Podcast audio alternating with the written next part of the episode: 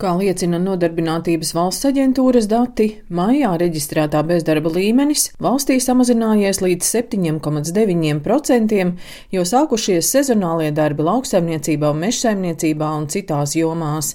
NVA klientu apkalpošanas un attīstības nodaļas vecākais eksperts Andris Maskaļovs skaidro, ka darba tirgu aug pieprasījums pēc augsti kvalificētiem speciālistiem, bet pandēmijas dēļ palielinājies darba meklēšanas ilgums. Šobrīd šis vidējais bezdarba ilgums ir nedaudz vairāk kā seši mēneši.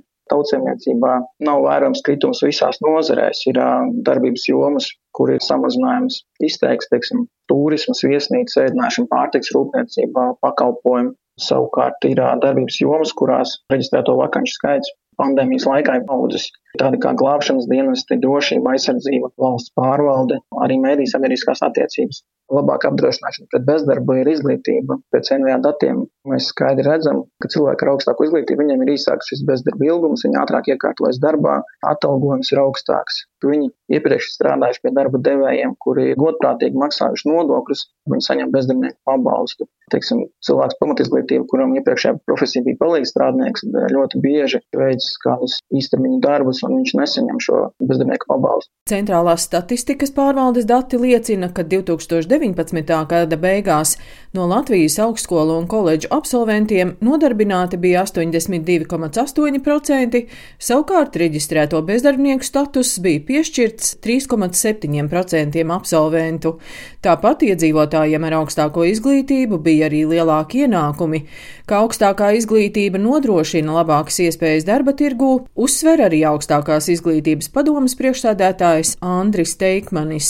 Tas ir nenoliedzami, ka augstākā izglītība cilvēkam dod gan labākas iespējas darba tirgu, gan arī veicina labāku dzīves kvalitāti. Protams, daudz kas ir atkarīgs arī no ekonomikas struktūras. Cilvēki IT jomā vai cilvēki, kuri pabeidz kādu humanitāro jomu, viņi pelnīs atšķirīgi. Bet tajā pašā laikā, protams, ja mēs salīdzinām ar cilvēkiem, kur nav iekoši augstāko izglītību, tad uh, šī atšķirība ir labi identificējama. Jo vairāk cilvēki iegūst augstāko izglītību, jo tas kopumā ir daudz mazāks sloks sabiedrībai. Cilvēki ar augstāko izglītību vairāk rūpēs par savu veselību, mazāk izdara likuma pārkāpumus, nonāk cietumos, jo, teiksim, mazāk par viņiem ir jārūpējas, vai viņos ir jāiegulda pārējai sabiedrībai, pārējiem nodokļu maksātājiem. Un beig beigās augstskolu beidzēji dot pienesumu ekonomikai, un pat valstīs ar viszemāko, teiksim, šo atgriešanas vērtību, tas ir vidēji viens ieguldīts eiro sniedz no 3 līdz 2 eiro atpakaļ ieguvums sabiedrībai. Tā kā augstākā izglītība ir gan publisks, gan privāts ieguvums. Ekonomikas ministrijas analītikas dienesta vecākais ekonomists Normunds Ozols stāsta, ka darba tirgu notikušas ne tikai struktūrālas izmaiņas,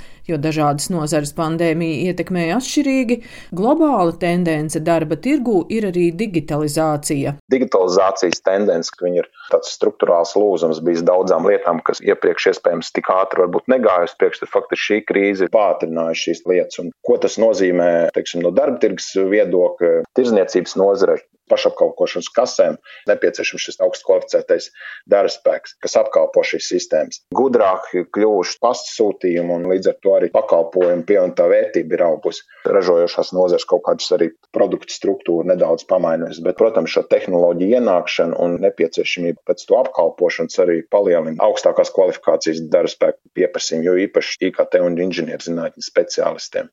NVA klientu apkalpošanas un attīstības nodaļas vecākais eksperts Andris Maskaļovs stāsta, ka darba tirgū vispieprasītākās ir un būs divas lietas - IT prasmes un valodu zināšanas. Modernīs valsts aģentūrā katru gadu darba devēja aptauja tiek veikta un paši top augšgalā populārākās ir saskarsmes un komunikācijas prasmes, valsts valodas zināšanas, krievu valodas zināšanas, plānošana, laika menedžments, datorprasmes lietotāja līmenī un autovadītāja apliecība kļuvušas aktuālākas.